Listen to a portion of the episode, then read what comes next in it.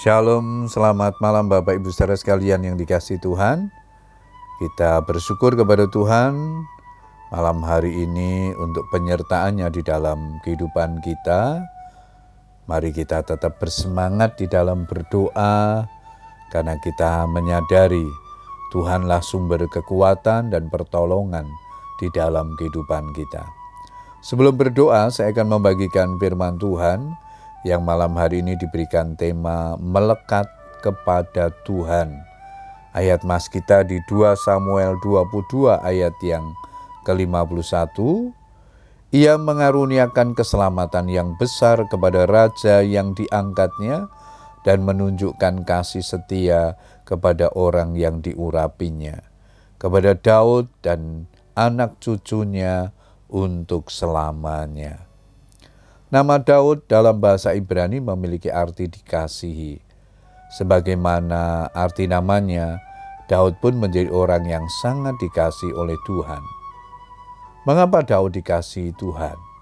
Karena dia mengasihi Tuhan sedemikian rupa. Aku mengasihi orang yang mengasihi aku, dan orang yang tekun mencari aku akan mendapatkan daku. Amsal 8 ayat yang ke-17. Komitmen Daud untuk hidup bergaul karib dengan Tuhan sungguh luar biasa dan patut diteladani. Kedekatan Daud dengan Tuhan bisa kita lihat dari tulisan-tulisannya di kitab Mazmur yang hampir semuanya berisikan tentang pujian, pengagungan, kekaguman dan pengalaman pribadinya dengan Tuhan. Hidup bergaul karib dengan Tuhan adalah langkah awal beroleh pengurapan Tuhan. Tuhan berkaul karib dengan orang yang takut akan dia dan perjanjiannya diberitahukannya kepada mereka. Mazmur 25 ayat yang ke-14. Ini adalah salah satu pernyataan Daud yang menunjukkan betapa ia sangat karib dengan Tuhan. Lebih baik satu hari di pelataran Tuhan daripada seribu hari di tempat lain Mazmur 84 ayat yang ke-11. Tujuh kali dalam sehari memuji-muji Tuhan. Mazmur 119 ayat 164. Karena kasihnya kepada Tuhan dan hidup karib dengannya, Tuhan mengurapi Daud dengan kuasanya. Urapan inilah yang memungkinkan Daud mengerjakan perkara-perkara besar di sepanjang hidupnya.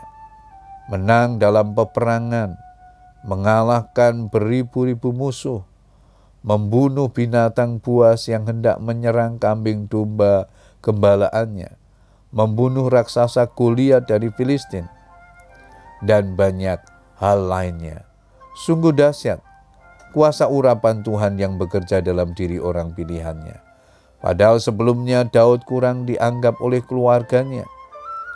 Dia menuliskan di dalam Mazmur 27 ayat yang ke-10, Sekalipun ayahku dan ibuku meninggalkan aku, namun Tuhan menyambut aku.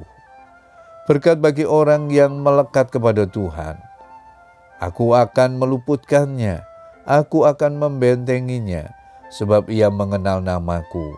Bila ia berseru kepadaku, aku akan menjawab, aku akan menyertai dia dalam kesesakan, aku akan meluputkannya dan memuliakannya. Mazmur 91 ayat 14 sampai dengan 15. Bapak Ibu Saudara sekalian yang dikasih Tuhan, orang-orang yang melekat hidupnya kepada Tuhan, mendapatkan jaminan daripada Tuhan. Seperti kedekatan Daud dengan Tuhan.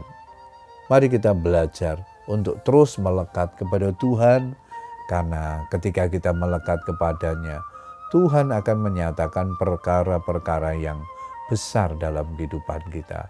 Tidak mustahil pengalaman-pengalaman Daud bersama Tuhan juga akan menjadi pengalaman-pengalaman di dalam kehidupan kita. Tetaplah hidup dekat kepada Tuhan, tetaplah semangat berdoa. Tuhan Yesus memberkati kita semua. Amin.